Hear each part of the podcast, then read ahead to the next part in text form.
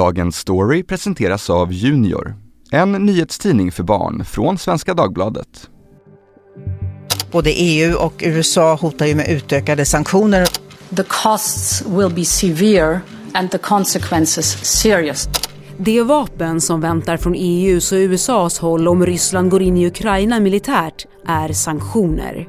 Western allies and the EU in particular have powerful economic weapons to hand. Things we did not do in 2014, we are prepared to do now. And we have prepared a robust and very comprehensive package of sanctions. Men fungerar verkligen sanktioner? På en kvart får du veta vad en lyckad sanktion egentligen är och varför det nästan alltid är befolkningen som drabbas värst i sin vardag. Det är torsdag den 10 februari och jag heter Fanny Härgestam. Här är dagens story från Svenska Dagbladet.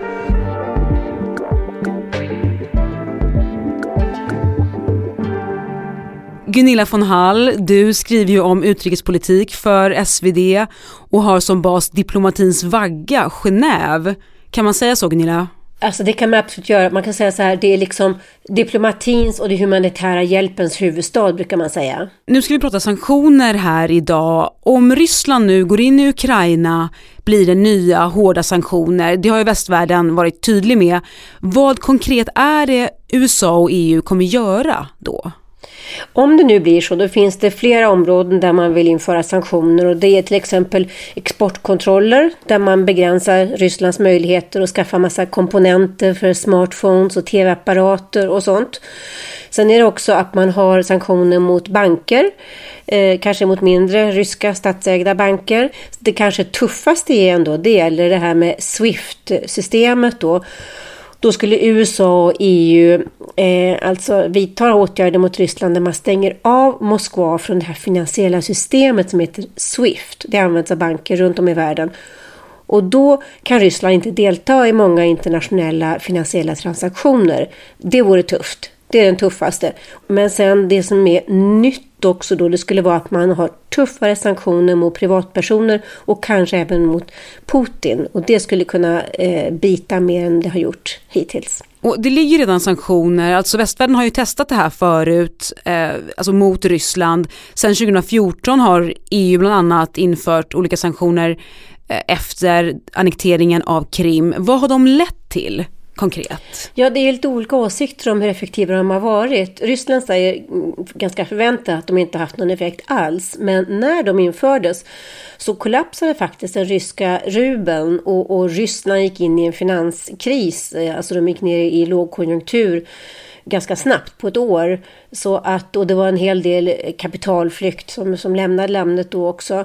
Så att det hade nog en effekt ändå. Men sen sägs det att Ryssland anpassade sin ekonomi efter det här. Och de, tänkte, de resonerade som så att USA kommer aldrig att lyfta sanktionerna. Så att vi anpassar vår ekonomi efter att vi, vi producerar helt enkelt mer hemma, hemma vid. Um, och sen så kan man säga att det som var ett svar också från Ryssland då, det var att man införde importförbud eh, mot livsmedel från EU, USA och Kanada. Så att Ryssland slog ju tillbaka också så det, och det slog ju mot, mot Europa. Och nu har det ju pratats om det här i flera veckor. Alltså Ryssland är ju förberett på sanktioner. Vilken roll spelar det här överraskningsmomentet i effektiva sanktioner? Alltså, USA vill ju inte ge allt för många eh, detaljer om det här än, så det kan ju vara någonting i sanktionerna som är tuffare, speciellt när det gäller Putin och, och ledarskiktet. Så att de försöker ju hålla några kort tätt in till sig för att kunna överraska just, för annars så har det spekulerats om så många olika typer av sanktioner som de kan förbereda sig på, men men frågan är hur stor roll det spelar med överraskningen ändå, för att det blir ju liksom att man vill få, försöka eh, få sanktionerna att bita. Så det är inte överraskningsmomentet som är det viktigaste. Men det kan hända att det finns just när det gäller personer och Putin personligen. Det finns någonting där som amerikanerna inte har sagt. För de har, de har liksom ja, varit ganska diskreta om vad är det som ska bli de värsta sanktionerna. Sen Ryssland invaderade Krimhalvön i Ukraina 2014 har EU och USA infört sanktioner mot landet. Chancellor Angela Merkel called for the EU and US to present a united front to Moscow. This morning, I signed an executive order that authorizes sanctions De riktas mot flera hundra företag, organisationer, militära grupper och enskilda individer. De berörda personerna får till exempel inte resa in i länderna där de är listade och de drabbade företagen får sina tillgångar som till exempel bankkonton frysta i länderna. Det finns alltså en rad olika sanktioner som tillsammans kan beskrivas som ett värdefullt instrument i den utrikespolitiska verktygslåda som en stat kan använda sig av. USA inför omfattande sanktioner mot Venezuela. EU-sanktioner mot Kina. USA kommer idag att införa nya sanktioner mot Iran. Målet är att så noggrant som möjligt rikta sanktionerna mot just den aktör som man vill motverka. De politiskt ansvariga, deras närmaste krets och finansieringskällor. Det som skiljer sanktioner från andra utrikespolitiska verktyg är att de regleras rättsligt. Att bryta mot en sanktion kan medföra straff. Sanktionerna måste även vara tidsbegränsade och avvecklas när syftet är uppnått. Före dess ska de ses över regelbundet. Sanktionerna mot Ryssland har till exempel utökats i omgångar sedan Kriminvasionen.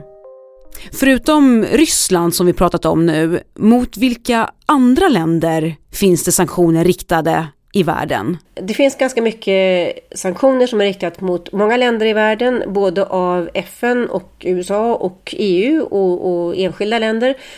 Och FN har till exempel sedan 1966 haft 30 olika sanktionssystem då mot länder och idag har de 14 länder som är det sanktioner mot. Då, bland dem Afghanistans, Nordkorea, Iran, eh, Libyen, Mali, Somalia, Sudan, Jemen. Mm. Många av de här länderna som du har nämnt här eh, har ju du själv varit i och rapporterat som utrikesreporter. Alltså man talar ju ofta om att sanktioner kan drabba civilbefolkningen hårt. Vad är din bild? Jo men absolut. Det, det, det sker ofta och det här är ett problem med sanktioner just. Jag har sett när jag var i Irak till exempel under Saddam Hussein-regimen flera gånger hur människorna led verkligen. Matpriserna exploderade. Eh, det var ont om allt för människor, eh, bränsle. Eh, till sist så kom jag ihåg på mitt hotell där jag bodde stod folk i lobbyn på, vid bord och sålde familjesilvret, allt de hade. Mattor, eh, smycken, allt för att kunna få pengar och ha råd med mat. FN hade då ett system där Irak fick sälja olja för att kunna köpa mat. Det blev genomkorrumperat av Saddam Hussein och även till viss del av FN. Secretary General. I think the Iraqi people is owed an apology. It was unfortunate that Iraqi citizens suffered, and in fact, the whole idea of the oil for food uh, scheme was to assess them.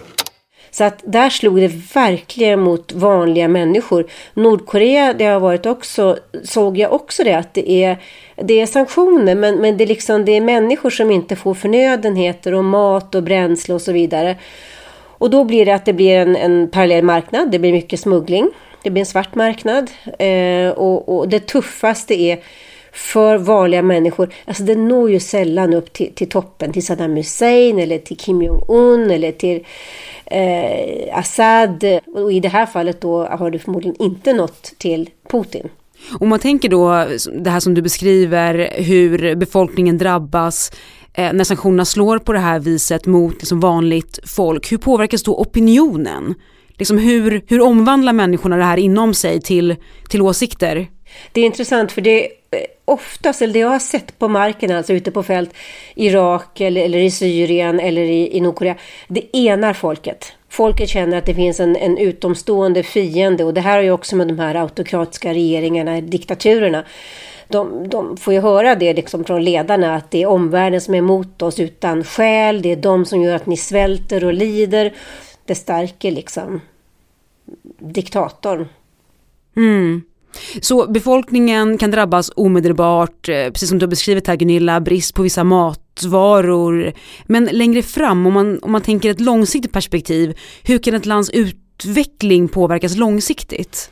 Ja, det, det, blir ju så också då, som, som i fallet med Irak eller även Nordkorea nu, Syrien också, att de har då Alltså hela ekonomin går ju på knäna. Iran till exempel går ju på knäna ekonomiskt och har gjort så en längre tid. Och därför är de desperata att få sanktionerna lyfta. För de kan inte handla och importera och exportera som de vill eller resa fritt.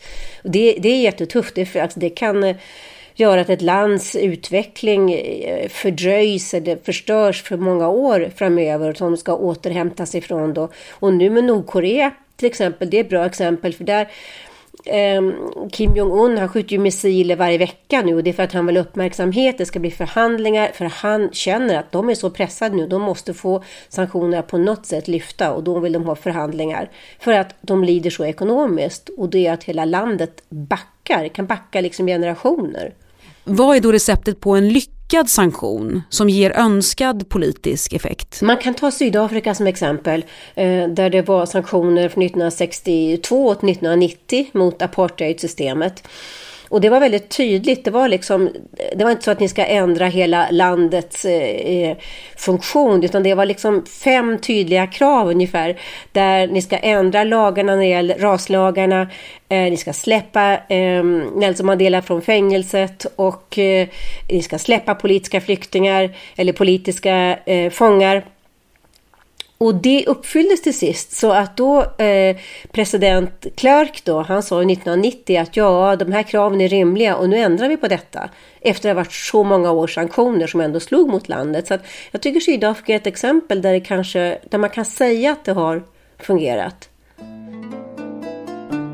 Redan de gamla grekerna ägnade sig åt sanktioner påstås det. En milstolpe i sanktionshistorien var första världskriget Segrarländerna bildade Nationernas förbund som fick mandat att stoppa handel med ett land om det hotade världsfreden. Men att totalt blockera en ekonomi har med tiden visat sig förödande. Ett exempel är Irak under Kuwaitkriget där barn dog till följd av den humanitära kris som sanktionerna utlöste. We have heard that a half a million children have died. I mean that's more children than died when, when in, Hiroshima. Is the price worth it? I think this is a very hard choice, but the price, we think the price is worth it. Metoderna har förfinats med tiden. Numera använder sig det internationella samfundet av så kallade riktade sanktioner. Dessa smarta sanktioner riktar sig mot regimen och försöker undvika att i onödan slå mot vanliga människor eller mot oppositionens möjlighet att verka. Till exempel att frysa tillgångar och utfärda reseförbud för ett lands ledarskikt istället för allmänna import och exportförbud mot en hel ekonomi. Om vi återvänder då till dagsläget med sanktioner mot Ryssland, Gunilla. Europa är ju väldigt beroende av både rysk olja och gas. Vad kan konsekvenserna bli av sanktioner, av ytterligare sanktioner mot Ryssland för folk här i Sverige och i EU? Det kan ju slå eh, mot eh, svenska och europeiska elpriser. För att rysk gas står ju för 35 procent av den naturgas som, som används varje år inom EU. Och ungefär en tredjedel av all naturgas som levereras till EU från Ryssland går via Ukraina. Så att det här kan leda till att om, om Ryssland då liksom stryper gasen och stänger kranen så, så kan de här väldigt höga, redan höga europeiska gaspriserna eh, slå i taket. Och då skulle även Sverige påverkas eftersom vi är så importberoende av naturgas. Och att hindra en invasion av Ukraina är ju en sak, men vad kommer att hända om det sker en cyberattack där man inte riktigt vet vem som ligger bakom det hela? Det där är en, en, bra fråga för att idag pratar mycket om att istället för att det blir liksom vapen som skramlar och soldater som trampar in på ukrainsk mark så blir det en hybridattack som slår mot eh, elsystem, vattenförsörjning och annat och där man inte kan, man ser ju inte lika lätt, man kan inte liksom spåra direkt konkret till vem ligger bakom det. Det blir mycket svårare, men det är ju inte alls omöjligt och då kommer ju misstankarna riktas mot, mot Ryssland, men sen är det steget att det ska bevisas innan man eh, drämmer till med sanktioner och, och, och det blir mycket svårare. Det blir mycket känsligare. Man har, inga, man har inte samma bevis. Men framåt då, hur ser framtidens påtryckningsmedel ut när diplomatin inte räcker till? Jag tror ändå att det blir så att sanktionerna förblir det man använder, men mer riktade för att inte civilbefolkningen ska drabbas som vi har sett i, i Nordkorea och Irak och Syrien och även Iran. Så att mer riktade, mer specifika, kanske mer tidsbegränsade, kanske mer eh, konkret bundna till vissa mål också. Att man säger vi lyfter dem om ni gör det här XXX. Så att eh, kanske att de kommer förändras men de blir kvar som det vapen man, man, man har idag. Tack Gunilla von Hall för att du var med i Dagens Story. Tack! Junior är Sveriges enda nyhetstidning för barn. Vi skriver riktiga nyheter om Sverige och världen på ett sätt så att barnen förstår. Varför vi gör det? Vi vet att det är viktigt att läsa och att hänga med och förstå sin samtid. Och det går bra att du som betalare smygläser den förstås. Du som lyssnar på Dagens Story kan ge bort en prenumeration på sju nummer till ett nyfiket barn för endast 99 kronor. Det är 64% rabatt mot ordinarie lösnummerpris. Du tecknar den på svdjunior.se podd. Vi som gjorde programmet idag är producent Elin Romeliotto, redaktör Teresa Stenler von Matern och jag heter Fanny Härgestam. Du har lyssnat på Dagens Story från Svenska Dagbladet. Vill du kontakta oss så mejla till dagensstory.svd.se. Klippen du hörde kom från Deutsche Welle, Euronews, CNN, Sveriges Radio, C-SPAN och riksdagens hemsida.